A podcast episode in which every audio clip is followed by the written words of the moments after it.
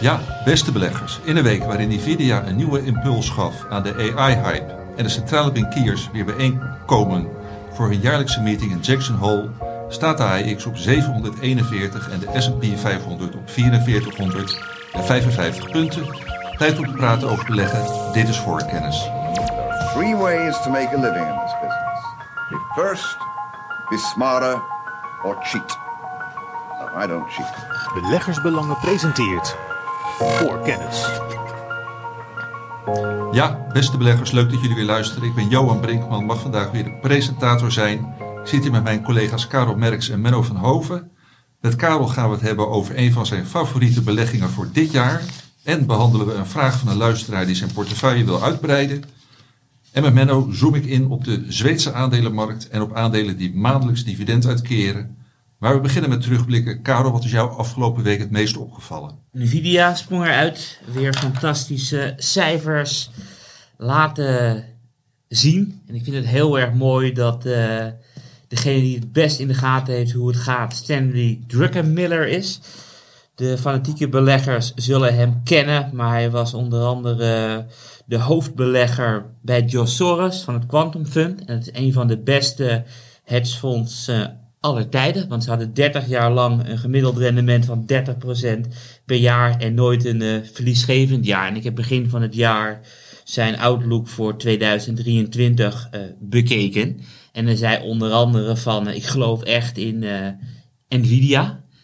Um, het maakt niet uit of er een recessie komt of dat alles goed blijft gaan. Nvidia zal blijven presteren. En hij vergeleek het onder andere met 1974. Want toen gingen bijna alle aandelen naar beneden. Behalve die van uh, oliebedrijven. En hij zegt AI is dusdanig belangrijk. En er is ook een uh, AI-race gaan tussen het oosten en het westen van de wereld. Dus niemand zal bezuinigen op AI en het zal gewoon omhoog gaan. En waarschijnlijk zal het einde van het jaar de Amerikaanse economie een harde landing hebben meegemaakt. Dus wat had hij gedaan? nou ja, vol zijn portefeuille in Nvidia. Gisteren alleen al op de dag van de cijfers uh, verdiende hij 46 miljoen dollar met Nvidia. En zijn positie staat dit jaar uh, 300 miljoen dollar in de plus. Ik kan het niet, maar uh, diep respect voor die man. Inmiddels 70 jaar en nog steeds een van de beste beleggers aller tijden. Ja, oké.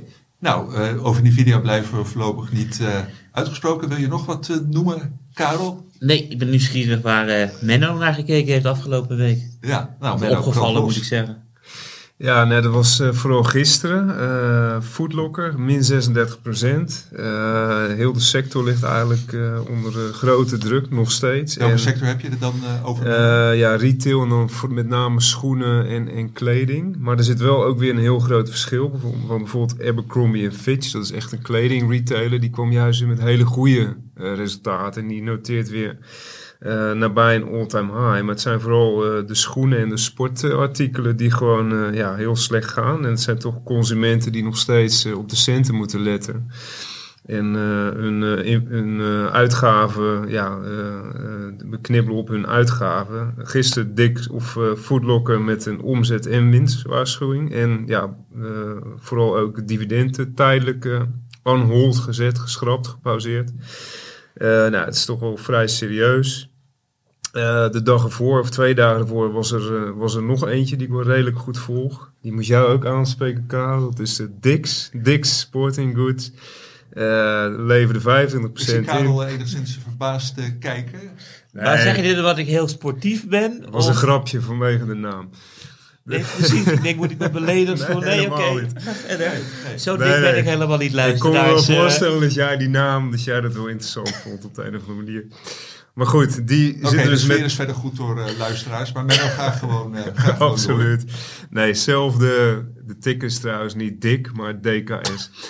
De, uh, ja, bij Dix dus eigenlijk hetzelfde verhaal als bij Foodlocker. En wat ik heel opvallend vond daar, is dat ze ook expliciet noemden in het persbericht dat uh, de, de, de marges onder druk staan door een explosieve stijging van winkeldiefstal.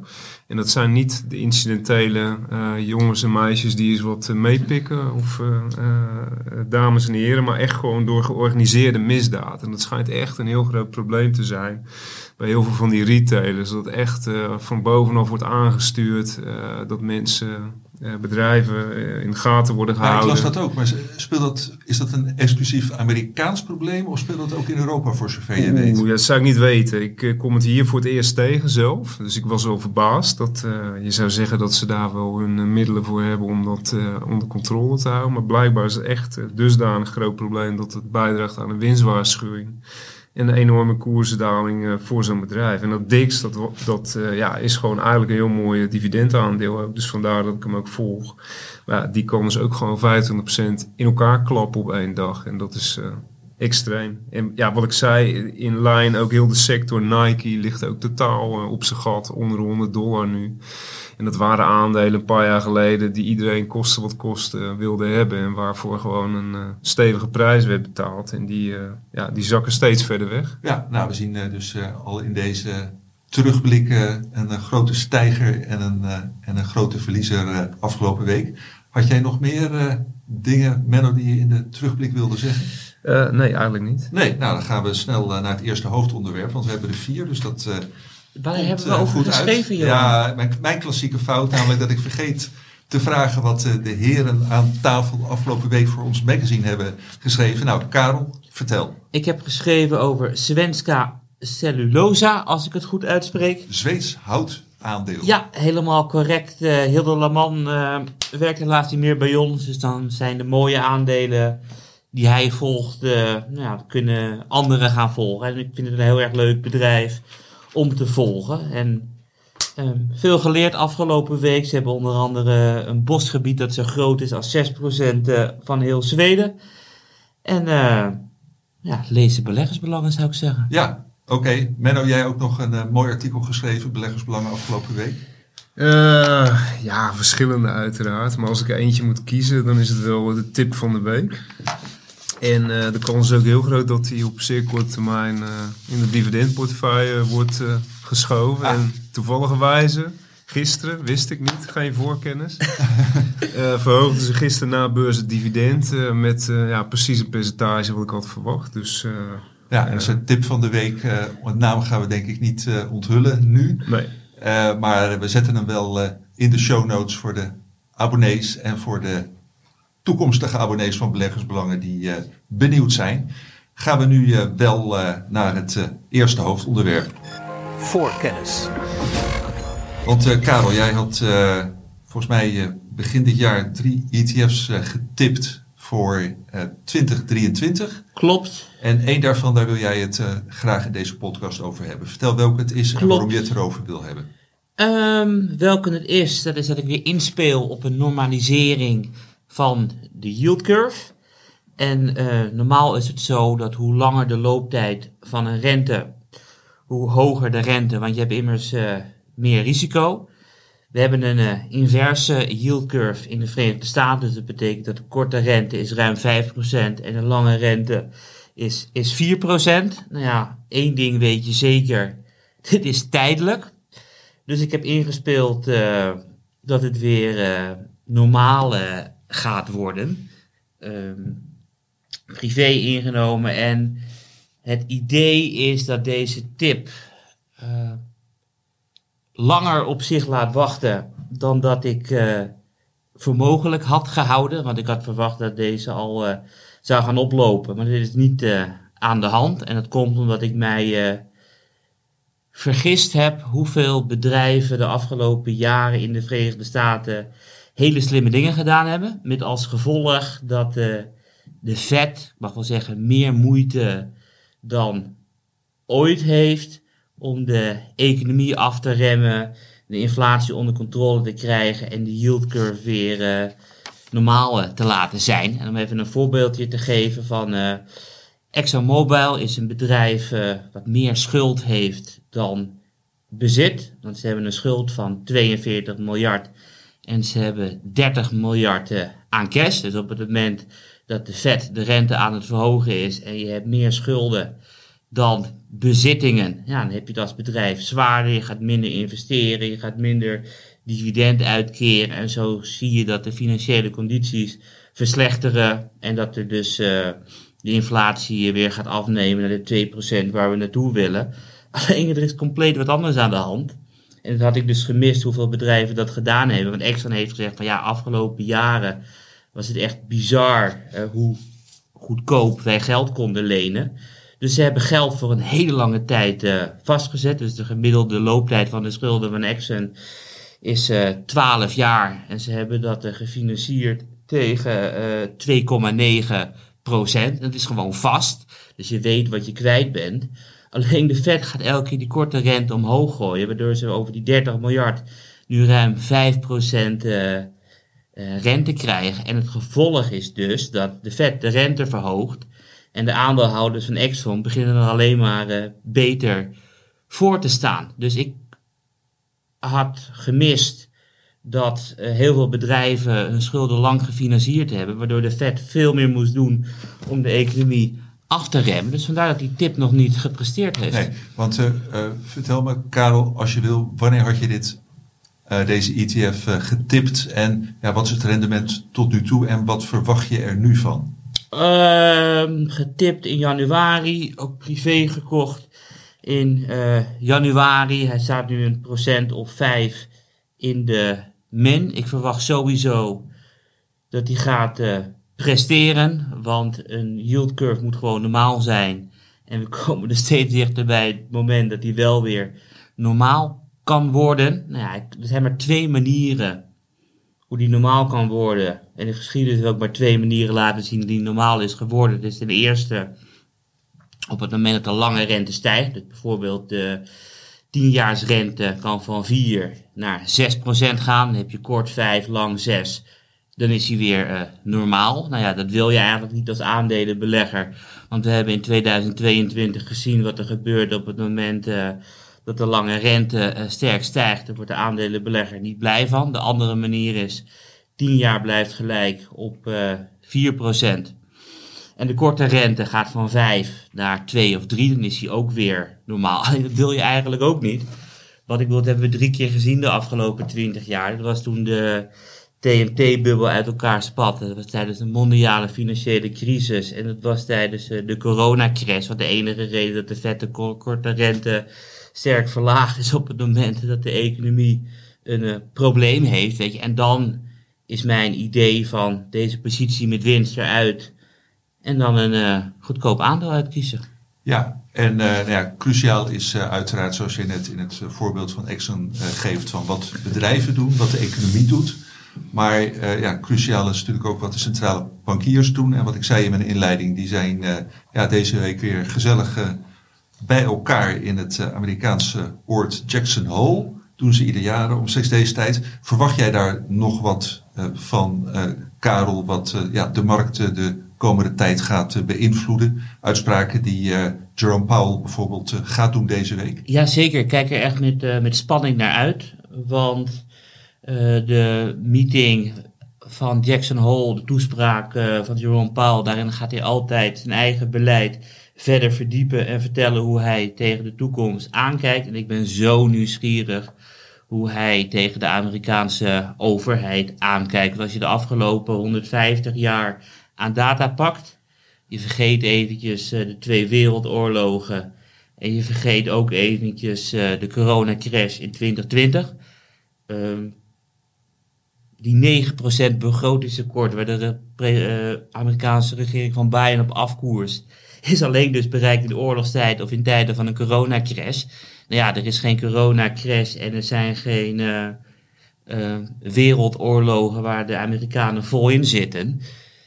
Dus ik ben heel nieuwsgierig hoe hij het Amerikaanse begrotingsbeleid gaat bekritiseren en hoe hij van plan is om daar mee op te gaan, eh, om te gaan. Als je kijkt naar tien jaar geleden, toen eh, zijn voorganger eh, Bernanke, die be- bekritiseerde tijdens Jackson Hole altijd de Amerikaanse overheid, dat ze veel te weinig deden en dat de centrale bank als enige de lasten mocht dragen om de wereld uit de mondiale financiële crisis te krijgen. En nu zal hij waarschijnlijk zeggen van ja, we proberen inflatie onder controle te krijgen, maar dan moet je niet zoveel geld uitgeven wat we alleen in wereldoorlogen doen, want dan wordt alleen maar de inflatie aangewakkerd. Dus ik denk dat hij heel erg kritisch op de Amerikaanse overheid zal zijn en waarschijnlijk zal vertellen hoe hij dat wil gaan counteren. Dus ik denk wel dat het een uh, significant eh, event gaat worden. Oké, dat is vrijdag eh, of het weekend. Ja, vrijdag is het, maar het is wel dan op het moment dat de beurzen al gesloten zijn waarschijnlijk. Ja, ja en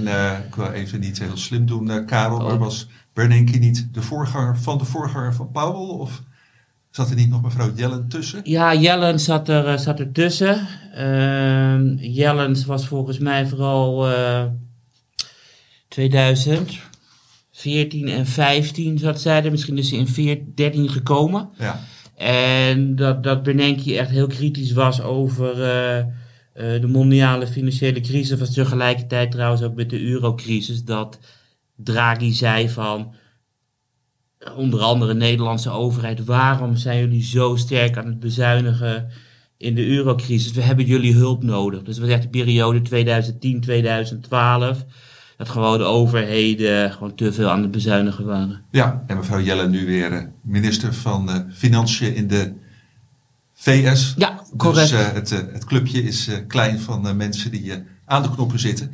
En eh, gaan we nog onthullen, Karel, wat de naam van deze ETF was? Of zetten we die in de show notes? Oh, dat mag wel. We hebben al zoveel verrassingen. Ik denk, ik denk, ik denk dat, eh, dat eh, luisteraars dat wel appreciëren. Ja, zeker weten. Had ik hem nou alweer weggelegd? Want ik moet altijd bij die ETF's precies kijken hoe ze ook alweer eh heten. De Lixer US Curve Steepening 210 Usage ETF officieel. Oké, nou we zetten hem eh, ook eh, in de show notes, maar dan eh, is het in ieder geval duidelijk voor de luisteraar. Dankjewel, eh Karel.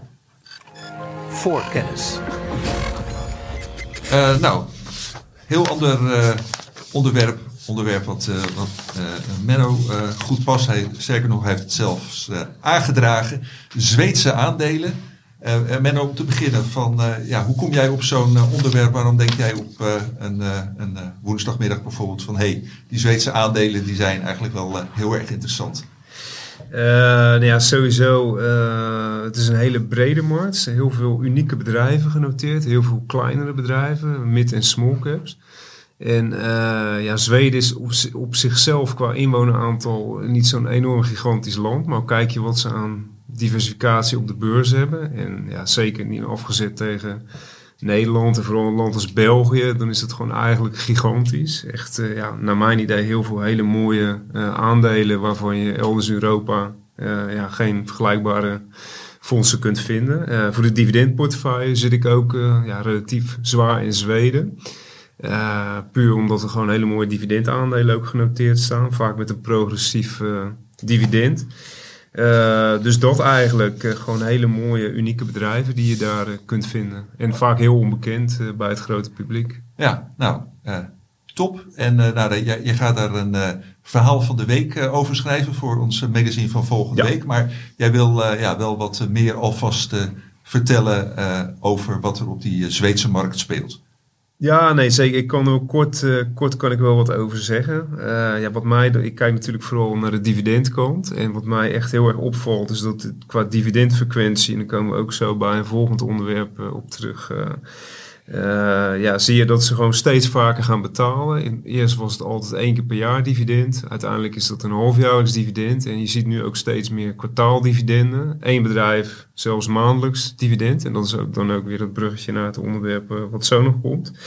Eh, ja, en qua dividendrendement zit gemiddeld wel aan de hoge kant. Waarderingen zijn niet heel erg hoog. Dat is natuurlijk wel marktbreed eh, genomen. Eh, en ja, ga je dan naar de individuele aandelen kijken. eh, Atlas Copco is op dit moment het grootste eh, Zweedse bedrijf qua beurswaarde. Met omgerekend 70 miljard euro market Kun je cap. die naam nog een keer noemen? Atlas Copco. Atlas Copco, Ja. oké. In het straatbeeld kun je het ook in Nederland wel tegenkomen. Vaak in, bij de bouw of, nou ja goed, ze, ze leveren compressoren voor de mijnbouw, de bouwsector. Eh, industriële gereedschappen, eh, eh, vacuümoplossingen.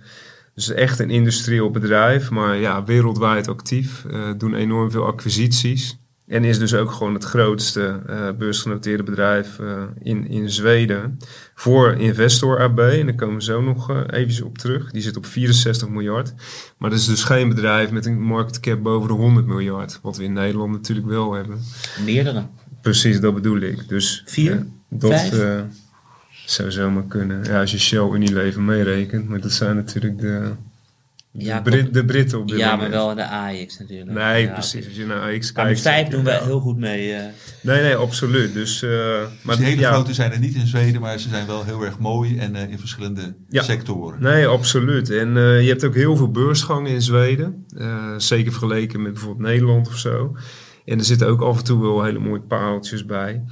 Ehm, en ja, wat kan ik er verder nog over zeggen? Ehm, aantal aandelen, 4, 5, die komen in het omslagverhaal volgende week eh, aan bod. En in het dividendportefeuille zitten nu eh, twee, eh, twee hele mooie Zweedse aandelen. Er zaten er ook twee in die helaas als gevolg van corona dividend hebben moeten verlagen of schrappen.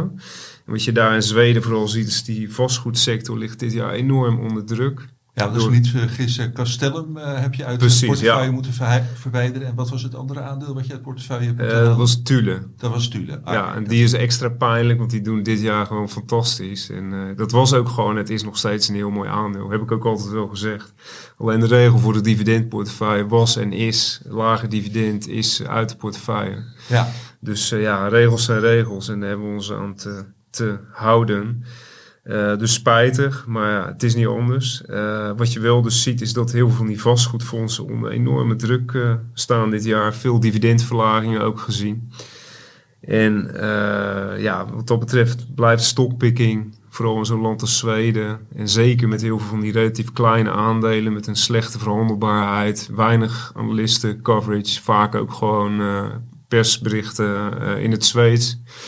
Ja, blijft stockpicking eh, blijft, eh, blijft heel belangrijk. En, ja, want eh, die, die Zweedse vastgoedsector, daar is echt iets speciaals mee aan de hand. Hè? Want er zijn diverse bedrijven in problemen gekomen. Ja, nee, absoluut. Eh, ook veel, veelvuldig in het nieuws geweest. En ik kijk natuurlijk naar de dividendontwikkeling. Ja, dat is in Zweden. Je had voorheen had je één echte dividend aristocrat. Dat was Castellum. Nou, die heeft natuurlijk geschrapt. Betaalde nog steeds geen dividend. Eh, maar er waren ook heel veel aandelen die daar vlak achter zaten met ook een hele mooie reeks. En die hebben ook allemaal verlaagd of eh, geschrapt. En eh, ja, die vastgoedsector die ligt, die ligt er gewoon niet goed bij. Daar rente is flink verhoogd in Zweden. was Hoe het enige land met een negatieve hypotheekrente. Nou, dat bedoel ik. Echt de enige vanwege de centrale bank die de rente zo ver onder nul heeft gebracht dat je geld toekreeg op je hypotheek. Ja, En nu zie je dat achteraf het niet verstandig was als mensen een hypotheek afsluiten met een negatieve rente. Hoe fijn het is op het moment dat je dat 20 of 30 jaar vastzet natuurlijk. Voor die individuele gevallen. Ja, een soort eh, eh, vastgoedbubbel daar ontstaan die nu eh, keihard eh, ontploft. ja, nou ja, precies. Want het, feit is wel dat in de voorgaande jaren waren die Zweedse vastgoedaandelen waren juist enorme uitblinkers. Dus die zijn heel ver vooruit gelopen op de muziek. Dat zag je ook terug in die dividenden. Ja, en dit jaar, eh, nou ja, goed, min 40, min 50 procent voor, eh, eh, of, of althans laatste anderhalf jaar voor veel gewoon voorheen topaandelen. Ja, dat is heel gewoon. Dus, Ja, eh, maar het maakt het wel aantrekkelijk en dat eh, ben je ook aan het doen om te kijken of daar eh, aandelen op die markt zijn die eh, eh, nu op te pikken zijn. ja, Ehm, en, je zou het volgens mij ook nog over Investor hebben. Het, eh, Ja, nou precies. Dat is dus na Atlas Copco het eh, op één na grootste Zweedse beursgenoteerde bedrijf. Met iets van 64 miljard euro eh, beurswaarde omgerekend. Eh er was ook een leesvraag over. Eh, nou, het is een industriële eh, investeringsmaatschappij in 1916 opgericht door de Wallenberg-familie. En als ik me niet vergis zit eh, de oorspronkelijke Wallenberg achter de, de Zweedse SEB-bank. Dat is een hele moeilijke naam om die volledig uit te spreken, dus ik hou het bij SEB. SEB. Ja, vermogende familie. Wat doet dat Investor AB? Dus investeren eh, ja, voor het belangrijkste deel in beursgenoteerde bedrijven. Waaronder, dan is hij weer Atlas Copco. Dat is de eh, grootste positie. Daar hebben ze 23% van de aandelen van. Ja, als je daar alleen al naar dat belang kijkt, is ongeveer iets van 15 miljard waard. Investor AB zelf dus iets meer dan 60. Dus daar zit een heel groot stuk van die waarde in. Maar ze zitten ook in ABB, AstraZeneca, Eh, dat SEB, wat ik net noemde, eh, de bank, eh, Ericsson, Nasdaq, Husqvarna, bekend van de, van de apparatuur om je tuin eh, mooi mee bij te houden. Saab, defensiebedrijf, Electrolux, nou, consumentenelektronica. Ja, dat soort bedrijven. Daar zitten ze in. Daarnaast hebben ze nog een stukje, dat heet Patricia Industries. Dat is dan meer niet beursgenoteerde bedrijven die ze gewoon zelf volledig in eigendom hebben. En nog een stuk in eh, private equity, EQT AB, wat inmiddels ook zelf eh, beursgenoteerd is, hebben ze 15% van. Ja, dus bij elkaar een hele mooie, eigenlijk wel verzameling van eh, investeringen. Eh, alleen al kijk ik zelf dan naar die listed companies waar ze in zitten. Ja, daar word ik niet heel erg warm van. Maar dat is gewoon puur mijn persoonlijke voorkeur van zou ik in die eh, aandelen willen beleggen. Atlas Copco op zich is wel een mooi aandeel, maar hebben een paar jaar geleden het dividend verlaagd. Dan staan ze bij mij al eh, slecht erop. Neemt niet weg dat het gewoon wel een mooi bedrijf is wat gewoon eh, goede, mooie groeicijfers laat zien. Maar dan zou ik liever elders kijken in de wereld naar vergelijkbare bedrijven. eh, Vooral met een minder kleine market cap. Ja, ABB ben ik nooit fan van geweest. AstraZeneca ook niet. Een bank zou ik niet in beleggen. Ericsson is niet een aandeel waar ik heel erg vrolijk van word. Dus eigenlijk dat hele lijstje. Er zit weinig tussen. Misschien Husqvarna na, die heel toevallig misschien ook wel in mijn omslagverhaal volgende week voorbij gaat komen. Waar ik eh, graag mijn geld in zou stoppen. Dus in dat opzicht, al kijk ik gewoon naar die portefeuille, ja, dan heeft dit aandeel voor mij niet. Maar die eh, portefeuille heeft geen bepaalde korting. nou, precies, ik dat bedoel, is zoals dus. Proces eh, met een korting in Tencent zit. En onze collega Jeff heeft natuurlijk als Ja, holding beleggingen waarin hij bedrijven uitzoekt met een hele flinke korting. Je, en ik precies. bedoel, ik wil best dingen kopen die ik niet leuk vind. Als ik dan gewoon eh, voor 30 cent eh, een euro krijg. Nee, nee, dat is ook zeker zo. En nee, ik moet je eerlijk zeggen, zo diep, en daar heb ik ook de tijd niet voor gehad, ben ik er niet ingedoken. Dat is echt iets voor de specialisten. Ik heb wel even gekeken natuurlijk van, wat zeggen de analisten ervan? Nou, die zitten nu, in, er zijn er trouwens maar zeven die het volgen, dat vind ik relatief weinig. Eh, krijgen ze vier koopadviezen twee keer houden en toch ook een verkoopadvies. Het is wel een aandeel wat het heel goed heeft eh, gedaan. Nu 2,1% dividendrendement. Dividend groeit elk jaar met 10%. Dus ja, op dat gebied, op eh, lange termijn eh, volgen de koersen de dividendverhogingen. zo is het zeker, zo is het zeker. Eh, maar ook deze heeft eh, eh, een jaar of twaalf geleden het dividend een keer verlaagd. Dus wat dat betreft, eh, ja. er Maar zijn, om de, de, de vraag van de vraag stellen op het forum eh, te beantwoorden. Je bent er eh, ja, niet negatief over, maar zeker Nee, ook niet, eh, niet precies. positief. Precies, en vooral ook omdat die beurskoers toch flink is opgelopen. Het is een enorm bedrijf. Dan zou ik liever kijken naar een wat kleiner vergelijkbaar aandeel als een, bijvoorbeeld een Livco, die in de dividendportefeuille zit. Eh, ja, dus dat. Eh, op, op, op een koersdaling eh, kan het misschien weer interessant worden. Maar nee, vooral ook op basis van die, van die belangen. En natuurlijk, wat Karel zegt, dat is natuurlijk absoluut waar. Maar zover ben ik er niet ingedoken. Eh, ik zie wel dat Atlas Copco dat dat al een enorm stuk van de waarde vertegenwoordigt. Dus, maar de vraag, ja, is het interessant? Wil je zoiets hebben voor waardering of value of gewoon op potentie van wat ze hebben? En ik kijk naar het laatste met oog op de lange termijn. En dan word ik er niet heel warm van. Nee. We zijn nog jong, dus eh, onze lange termijn is lang. Dat is zeker zo. Ja, nee, daar ga ik ook eh, absoluut eh, van uit. Menno, eh, interessant. En we kijken uit naar je omslagartikel van volgende week. Wil je er verder nog iets over kwijt of zullen we gewoon naar het volgende onderwerp gaan? Nee, laten we maar verder. Ah, Oké, doen we. Voorkennis. Ja, want eh, Karel zit eh, al te popelen om, eh, om ook eigenlijk in te gaan op een, op een lezersvraag.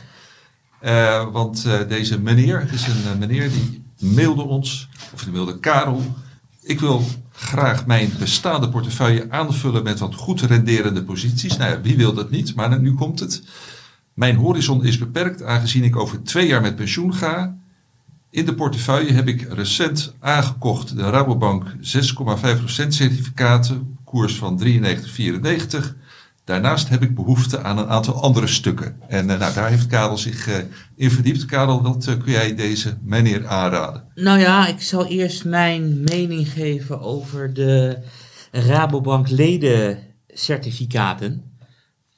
Want hoe mooi die naam ook klinkt, het is geen defensieve belegging, maar een offensieve belegging. Want bij de Rabobank ledencertificaat en sta je helemaal achteraan de rij, mocht er wat zijn eh, met de Rabobank. En daarvoor word je uiteraard eh, gecompenseerd voor dat hoge risico met een hele mooie hoge coupon van 6,5 eh, procent. En daarnaast eh, is het een juridisch, is het een eh, eeuwigdurende obligatie. En eeuwigdurende obligaties betekenen dat ze erg gevoelig zijn voor de rente. Want als de rente stijgt, wordt het doorberekend eh, voor een looptijd die eeuwig duurt. Waardoor ze hard onderuit kunnen gaan.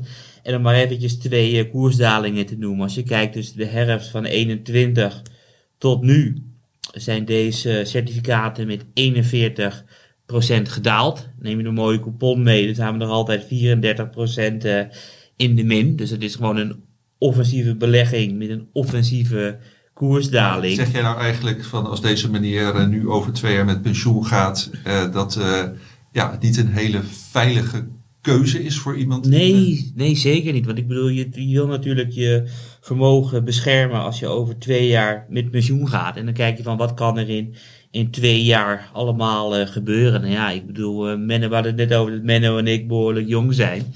Maar we hebben allebei al een keertje, eh, twee keer een koersdaling van meer dan 50% voor de kiezer gehad. Met wereldwijde aandelen tussen 2001 en 2003 en 2007 en 2009. Dus ik bedoel, dat kan gebeuren.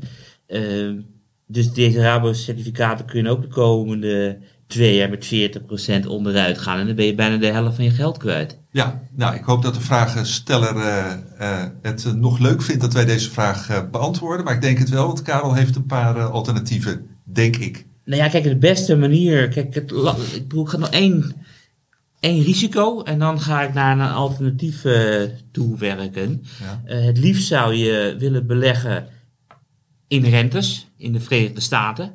Want op lange termijn mag je met aandelen een procent of 7 à 8 procent eh, rendement verwachten. En je kan nu risicoloos in de Verenigde Staten 5,5% eh, aan rendement verwachten zonder risico van, eh, van koersdalingen in korte termijn Amerikaanse staatsobligaties. Maar ja, ik heb even de afgelopen 25 jaar gekeken, want de euro werd in de financiële wereld in 98 geïntroduceerd. De, de euro is ook wel eens in twee jaar met 25% naar eh, beneden gegaan. En volgens mij gingen we zelfs van 1,60 in 2008 naar 1,15 of zo in 2009. Dus meer dan 20%. Dus Ten Amerika- opzichte van de dollar bedoel je dan? ja, ja, ten opzichte van ja. de dollar is ook heel risicovol. Dus kijk, het enige wat je kan doen is op het moment dat je over twee jaar echt je geld nodig hebt, is gewoon in, korte termijn Duitse staatsobligaties gaan beleggen. Weet je, en die leveren op dit moment eh 3,36% eh, rendement eh, per jaar op. En dat heet al zo mooi in de financiële wereld de risicovrije rente. Dus zonder risico kan je dat rendement halen. En alles wat je meer dan 3,4% per jaar wil hebben, moet je risico verlopen. Weet je. Dit is ook de reden waarom Menno van die mooie rendementen behaalt met de dividendportefeuille. Hij heeft, ik weet niet wat hij altijd zegt, ik heb 10, 15, 20 jaar de tijd om zo hoog mogelijk rendement op te bouwen. En op een termijn van 20 jaar weet je gewoon dat als je blijft zitten, dan daalt het risico. En uiteindelijk waar we het net over hadden, volgen de koers de dividendverhoging. Maar als je over twee jaar je geld nodig hebt, kan je het risico niet lopen. Want zelfs die dividendaandelen van Menno zijn in een periode van twee jaar ook wel eens hard onderuit eh, gegaan. Ja, maar eh, is dat, eh, ja, er zit toch wel enig risico aan die, aan die boons? Of is dat echt heel erg gering? Heel erg gering. Ja. Ik bedoel, Duitsland is nog steeds samen met Nederland een van de rijkste Europese landen. En er zit, eh, het heet niks voor niks eh, volgens de accountancy risicoloos Ja. rendementen. Ik bedoel, op het moment dat er, eh, om een voorbeeldje te geven met Nederland, die heeft altijd een heel mooi, die heeft de afgelopen 200 jaar nooit afgeboekt op de schulden. Dus Nee, is nee. gewoon, En Duitsland is nog minder risicovol dan de VS bijvoorbeeld. ja zeker, Duitsland is nog triple A.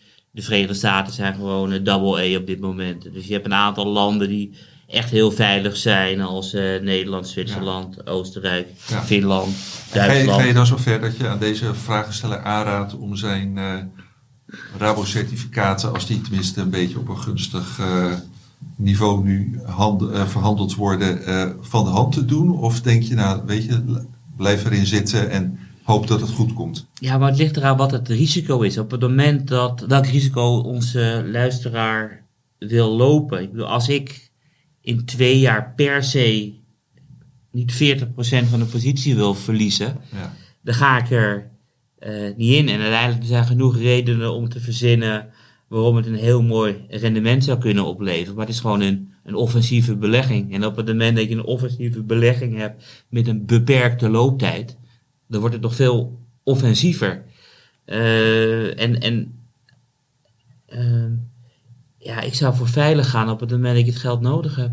Oké, Weet je, het is heel, erg, heel erg flauw. Alleen eh, het risico daalt hoe langer de looptijd is. ja. Oké, dus jij zou eh, de, de Duitse eh, staatsobligaties eh, sowieso aanraden. Heb je nog eh, meer tips waarmee deze meneer zijn eh, portefeuille kan aanvullen?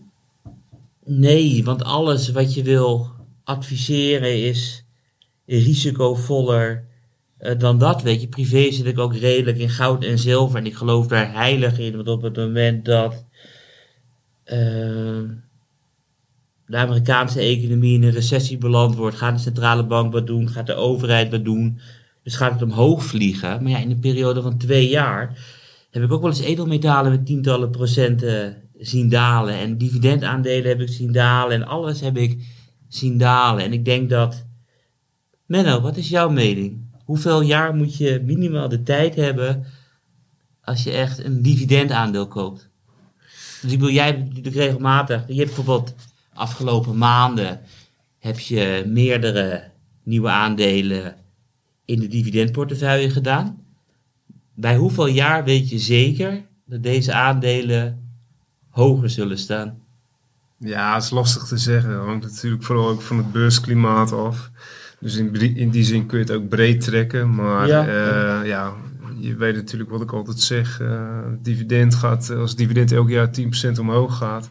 Op een gegeven moment loopt het dividendrendement op een eh, tot een dusdanig hoog niveau op dat die koers wel mee moet. Dus, Ja, maar eh, zie daar een maand. Ik bedoel, over een maand weet je dit niet. Het is ook niet Maar over je- een jaar. Ik bedoel, wa- wa- wa- wanneer zou je iemand willen aanraden om zijn aandeel te kopen? Drie jaar looptijd? Vier jaar? Of zeg je gewoon Ja. vijf minimaal? Nou, kijk, in principe kan 5 ook nog te kort, eh, te kort zijn. Je weet niet wat er gebeurt aan, eh, aan gekkigheid Ja, eh, in de wereld. ja, maar- goed, normaal gesproken zou 5 zou wel een redelijke termijn moeten zijn. Maar wil je zekerheid, zeker met dividendgroeiers herbeleggen, dat verhaal, dan moet je wel gewoon 10, 20 en liefst 30 jaar. eh, niet om hoger te gaan, maar om zo hoog mogelijk totaalrendement te realiseren. Maar goed, je kunt ook net vijf hele goede beursjaren krijgen. Je kunt ineens vijf hele slechte beursjaren Ja, krijgen. ja. En dan gaat meestal alles omlaag. Dus Nee, blijft onvoorspelbaar. Alleen hoe verder naar de toekomst, ja, hoe eh, aannemelijker het is eh, dat het eh, de goede kant op gaat. En dat is omhoog. Ja, maar stel, je gaat over twee jaar met pensioen, Menno. Nee, dan moet je geen risico's nemen, Karel.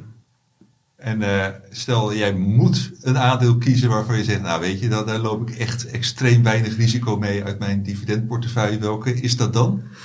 Oeh, ja, dan zou het gewoon een heel saai aandeel zijn. eh. Zoals? ja, er zijn er verschillende. Maar dan zou ik toch eh, eerder consumer staples-achtig, eh, PepsiCo, Orkla. eh, Oké, nou ja, ook, eh, ook goede tips eh, voor Maar- deze maar- als die... eh, Maar het belangrijkste blijft natuurlijk spreiding. Hè? Want ook de beste bedrijven, die kunnen gewoon, eh, kan iets gebeuren. Ja. Maar wat Menno zegt is wel een, heel erg een wijs. Adjennetje kan Ja, er gebeuren. Van als het beursklimaat draait, ja. dan kan alles gaan. Ik heb ook wel eens gekeken naar de 600 grootste bedrijven van Europa. En er gingen er 594 onderuit in 2008. En er waren geloof ik nog één of twee overnames en een beursexit. En ja, als het gaat, gaat het allemaal. En ik denk, voor mijn eigen geld, dat ik het over twee jaar nodig heb. Waarvoor zou je een dobbeltje wagen dat er weer een slechte periode aankomt? Nee, dat. En eh, investeer gewoon nooit maar in één aandeel. Eh, koop dan een fonds of een ETF als je toch eh, maar één investering wil doen. Ook voor twee Geen, jaar? geen individueel aandeel. Nee. Ik, ik zou het niet aandurven. Eh, helder. En eh, eh, nou, het is leuk dat we nu achter elkaar twee lezersvragen hebben beantwoord. Overigens, beste luisteraar, willen jullie dat Stefan en Karel volgende week op nog meer lezersvragen ingaan? Mail ze dan naar voorkennis.beleggersbelangen.nl. Eh, dat zeg ik altijd aan het einde, maar eh, ik vind het nu wel toepasselijk om dat nu eh, te zeggen. En dan gaan we lekker naar het eh, vierde en laatste hoofdonderwerp. Voorkennis. Nou, Menno, je had het zelf al min of meer eh, ook aangekondigd. Maandelijkse dividendbetalers. Yes. Ehm, wat kun je daarover zeggen? Ja, het is natuurlijk vooral in de Verenigde Staten.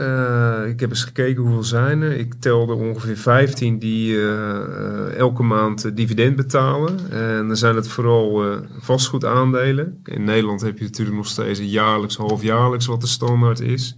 In de VS eigenlijk elk serieus bedrijf die dividend betaalt, doet dat vier keer per jaar. Ja, in, in Nederland dan dacht ik Unilever betaalt vier. vier- Unilever, Shell, Ja. Aperam en wat hebben we nog meer? Eh nou, het is geval op één hand te tellen ja. In, in, in Nederland eh, qua kwartaal. Die ASML natuurlijk, Ja. eh, een vrij recente. Maar daar heb je het wel zo'n beetje gehad. Eh, maar in de Verenigde Staten gaan ze nog een stap verder. En dan heb je ook gewoon ja, een vijftiental bedrijven die echt elke maand dividend uitkeren. Dus ik ben er eens ingedoken. Wat ik al zei, eigenlijk hoofdzakelijk vastgoedfondsen. Eh, en wat mij dan gelijk opvalt is dat ze het eh, zowel qua koers als qua dividendgroei, en die gaan vaak hand, hand in hand, eh, ja, presteren ze gewoon eigenlijk onder de maat. Vooral ook omdat die hele vastgoedsector natuurlijk een enorme dreun heeft gehad de laatste pakweg anderhalf jaar. Ja, niet alleen in Zweden, maar ook in de VS. Precies, ja. precies. Alhoewel het in Europa wel een stukje heftiger naar beneden is gegaan met de meeste aandelen. Eh, maar er zijn wel een aantal interessante aandelen. Eh, niet dat ik ze daarmee eh, adviseer om te kopen. Ik zou er zelf niet, niet in beleggen. De enige is misschien Realty Income, die ook in een hoog, dividendport, hoog dividendportefeuille van beleggersbelangen zit. Maar er zijn wel een aantal interessante aandelen, puur op basis van ja, wat ze doen en wat ze gedaan hebben met dividend. Een interessante, die ooit ook getipt is in beleggersbelangen, is EPR Properties. En dat eh, omschrijft zichzelf als een Diversified Experiential REIT. Ja, wat is dat dan? Eh, dat is dus een, eh, een vastgoedfonds met een portefeuille bestaande uit theaters, bioscopen, ski, vastgoed, dus op de piste vastgoed. kinderopvangcentra, fitnesscentra, maar ook zelfs dierentuinen, aquariums, museums, bowlingzalen, kartbanen, dat soort vastgoed. Ja, ik kan me niet eh, heugen of eh, sterk nog, ik weet zeker dat je daar in Nederland of in eh, Europa niet in een dergelijk vastgoedfonds kunt investeren. En die heb je dus wel in de Verenigde Staten. En dit is er een die het dit jaar dus heel goed doet, omdat iedereen weer erop uit wil, zijn geld wil uitgeven, leuke dingen doen. En dat zie je dus ook met zo'n eh, eh, zo'n REIT terug, die gewoon dit jaar 17% stijgt. Echt een opvallende uitschieter in een eh, sector die het gewoon heel slecht doet. En het dividendrendement van eh, dit ding is zelfs eh 7,5%. Dat is best hoog.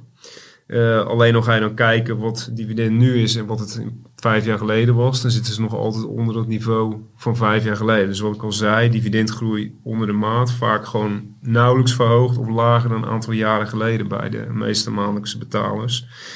Eh, nou, de bekendste en misschien ook wel de beste maandelijkse betaler is eh, Realty Income. Zat ooit in de dividendportefeuille, zit nu in de hoogdividendportefeuille van beleggersbelangen.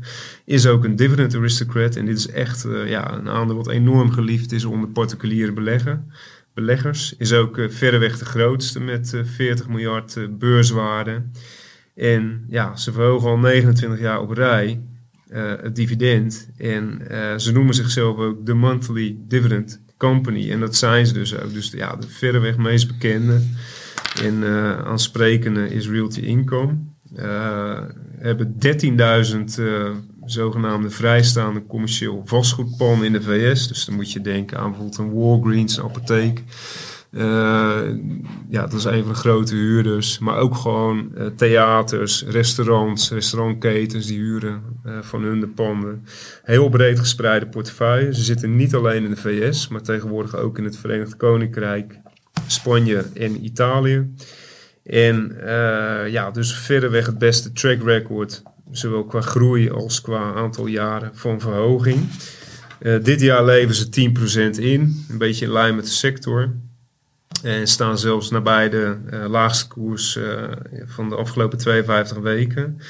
En qua dividendgroei, het gaat wel elk jaar omhoog, maar het is ook niet dat je zegt van wauw, dit is eh, geweldig. En dat is ook ja, deels de reden dat ze uit de dividendportefeuille zijn gegaan en meer in de hoogdividendportefeuille passen. Dus heel betrouwbaar, voorspelbaar.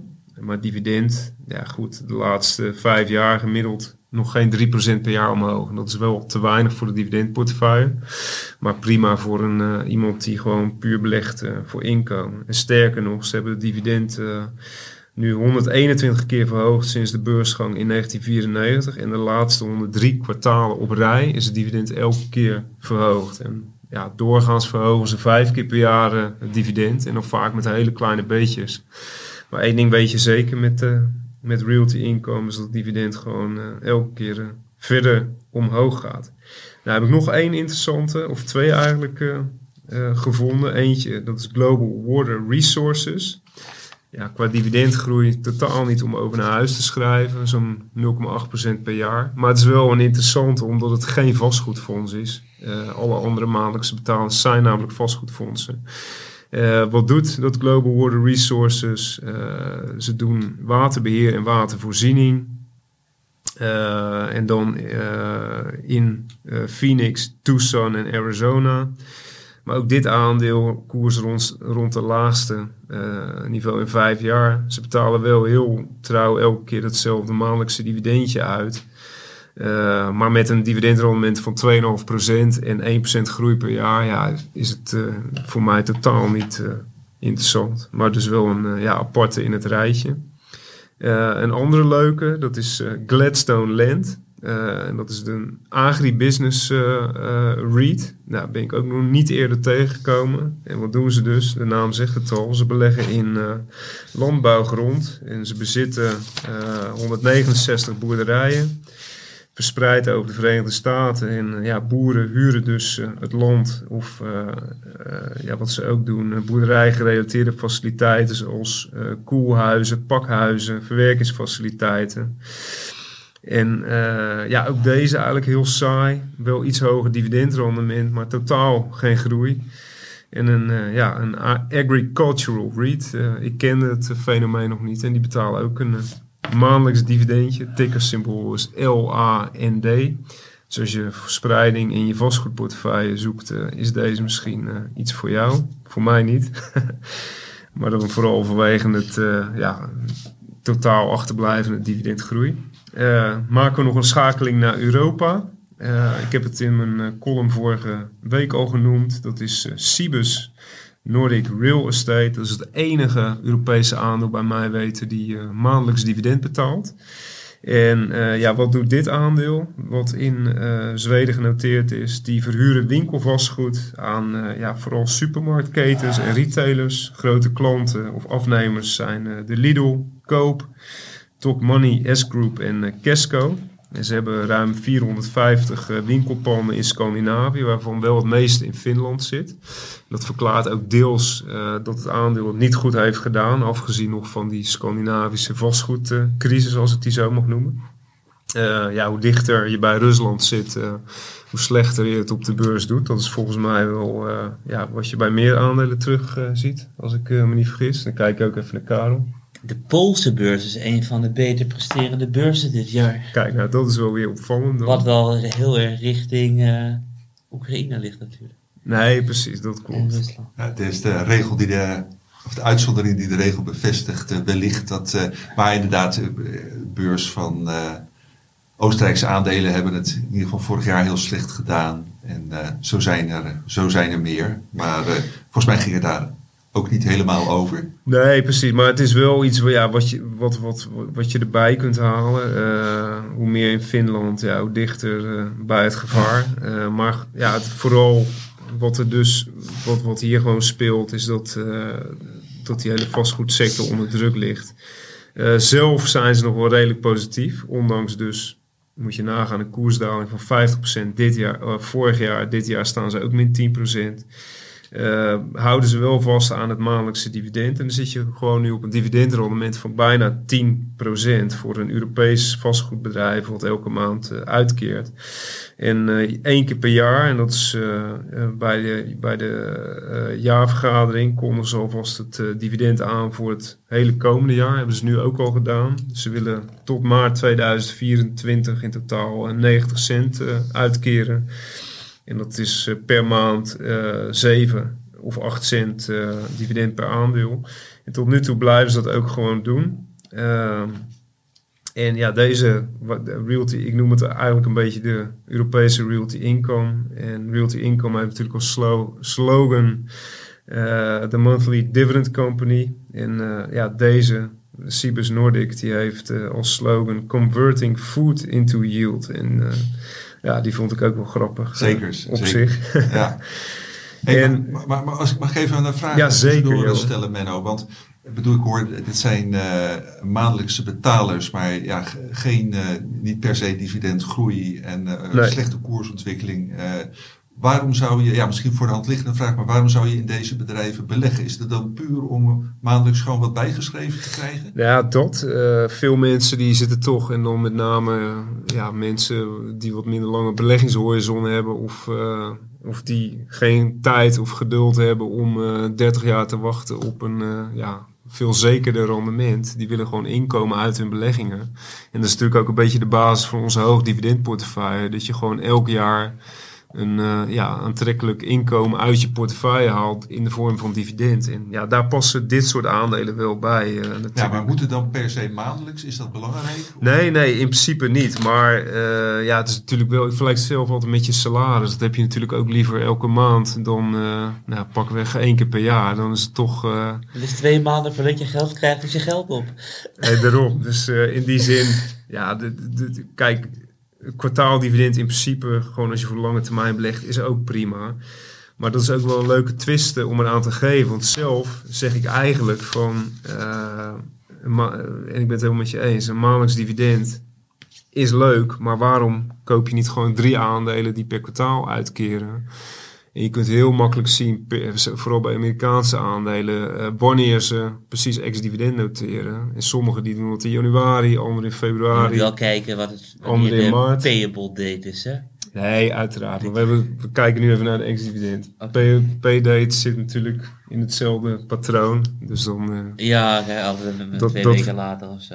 Precies, maar het, eh, het gaat natuurlijk om het idee dat je gewoon elke maand gewoon ook iets binnen kunt krijgen eh, door gewoon breder gespreid in misschien wel betere aandelen te zitten. Dus ja, ik zou zeggen maandelijks dividend leuk, maar je kunt net zo goed eh, drie, eh, misschien betere aandelen kopen. En als je heel per se dan elke maand echt iets wilt hebben, ja, dan ga je gewoon heel goed kijken naar die dividendschema's. Dan kun je heel mooi een selectie maken van aandelen. En dan kom je ook op elke maand aan Ja, inkomen. precies. Ja, ik zit ook te denken, misschien, misschien is dat niet zo, maar zitten er ook gewoon niet voor het bedrijf zelf gewoon ja, best wel hoge kosten aan om iedere maand weer dividend uit te keren en gaat het uiteindelijk dan niet van het rendement af? Of? Nou, ik denk als, als het echt om een, echt een small cap of een micro cap gaat, dan zal dat zeker eh, spelen. Eh, heb je het over een ASML of eh, echt een miljardenbedrijf? Ja, ik denk dat, dat, ik heb geen idee hoor, maar ik kan me niet voorstellen dat dat in de miljoenen loopt aan extra kosten. Nee.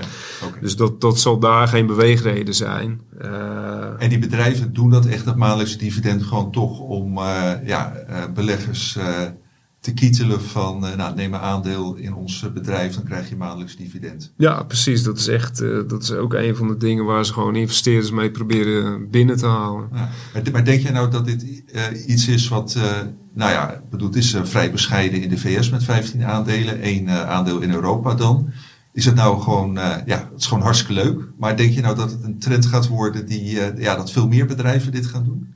Nou ja, eh, als je kijkt hoe, en dan kijk vooral naar een land als Zweden, hoe enorm dat ja, zich ontwikkelt. En natuurlijk ook wel, nou ja, kijk in Nederland ASML, wat ineens van jaarlijks, halfjaarlijks en binnen no time ook per kwartaal uitkeert. Ja, er zullen wel een paar grote aansprekende namen moeten zijn eh, die die stap gaan nemen. Maar ja, als een, eh, een Microsoft of een Apple op een gegeven moment zegt van nou, we kunnen ook wel per, ma- eh, per maand gaan betalen, ja, dan eh, zullen veel gaan volgen. Alleen, ja, iemand moet, eh, moet de eerste zijn. Ja. En die, die, die vraag vanuit beleggers is het denk ik nu nog niet. Nee. Maar zo begon het natuurlijk ook bij, eh, bij andere eh, bedrijven. Op een gegeven moment eh, ja, komt er eh, vanuit vooral grote beleggers eh, het verzoek van... eh, Heb joh, jij een idee wanneer kwartaaldividenden gemeen goed zijn geworden? Nou, in de Verenigde Staten is het altijd al zo geweest. Eh, en, Altijd? Het is ook al 200 jaar geleden betaalden ze Ja, zover ga ik niet terug. Nee, oké. Ja, ik bedoel, in de afgelopen 25 jaar dat ik beleg, zie ik het ook. tuurlijk. Alleen ik heb geen idee wanneer het ontstaan is. Nee, daarom. Maar in de Verenigde Staten is het bij mij weten altijd al zo geweest. En eh, ja, in Europa, zeker sommige delen, zie je het gewoon steeds meer komen. Kijk, eh, een maandelijks dividend is ook niet strikt noodzakelijk. En het valt ook niet samen natuurlijk met de verslagperiode. Hè? Dus zo moet je het ook wel zien. Ja. Maar eh, ja, het zou makkelijk kunnen. En eh, ik zie niet in waarom een bedrijf dat niet zou kunnen. Alleen zal er dan vanuit beleggershoek een enorme lobby moeten komen om dat ook te gaan doen. En eh, ja, dan heb je natuurlijk de stem voor als aandeelhouder. Nou, misschien als alle luisteraars eh, eens eventjes wat de bedrijven aanschrijven en hun stem laten horen dat het er ook in Nederland van komt. Wil jij er nog iets over kwijt, Menno? Of gaan we dit gewoon verder de komende weken ook wel weer lezen in, in ons mooie magazine? Nou, de, laten we bij dat laatste. Ik heb alles al gezegd wat ik hierover eh, kwijt wil. Oké, Voor kennis. nou dan eh, hebben we nog eventjes eh, kort om eh, vooruit te kijken op de komende week. Eh, Menno, wil jij gelijk doorpakken daarin? Ja, nou ja, ik heb eh, qua cijfers eh, ligt al zo achter ons. En eh, wat wel leuk is dat er nog elke dag wel een paar dividendnieuwtjes binnendruppelen. Toevallig zag ik net in de voorbereiding hierop een nieuwsbericht binnenkomen dat LAM Research, bekend halfgeleide aandeel, meerdere malen getipt in beleggersbelangen. En ja, wat ook bijna in de dividendportefeuille zat. We hebben voor KLE Corp gekozen. Eh verhoogt de dividend met 16%. En eh, ja, dat soort berichten gaan nog veel meer komen de komende weken. Dus eh, na het cijferseizoen. Dus eh, daar kijken we naar uit. En eh, dat is altijd weer input voor mooie nieuwe artikelen en eh, berichten. Oké, hartstikke mooi. Karel? Ik ben heel erg nieuwsgierig eh de koersvorming de komende week. Want ik vind het wel heel erg opvallend eh, hoe enthousiast beleggers over Nvidia kunnen zijn. Maar ja, als je dan vandaag naar de AX kijkt, eh, we begonnen op 6,49. En vlak voor de uitzending stonden we op 6,36. En dan kijk je, wanneer stonden we de eerste keer dit jaar op 6,36? Dat was in januari. Dus we zijn de komende afgelopen zeven maanden helemaal niks eh, opgeschoten in de AX. Afgelopen week hadden we natuurlijk, eh, ik mag wel zeggen, dramatische cijfers uit de Europese industrie. Dus de Europese industrie krimpt het meest eh, in geloof ik 22 of 23 maanden. Dus Europa koelt hard af. Ja, waarom? Ja, China is een belangrijke handelspartner van Duitsland. En China koelt helemaal hard af. En dan heb je dus afkoeling. Dus dan zou je verwachten dat de rente wat zou gaan dalen. Maar afgelopen week eh, ging de 30-jaarsrente boven de hoogste koers eh, uit van 2022. Duitsland en de Verenigde Staten heb ik het over. En nu is het eh, eind augustus en de moeilijke september- en oktobermaanden komen eraan. Dus ik ben heel nieuwsgierig eh, of alles goed blijft gaan de komende weken. Ja, nou, wij, wij ook. En Karel, jij bent volgende week hier aan tafel weer van de partij. Dan samen met, eh, met Steffen. Voor dit moment, Karel en Menno, hartstikke bedankt voor deze interessante podcast weer. Luisteraars, eh, bedankt eh, voor het luisteren. En eh, nou, tot volgende week.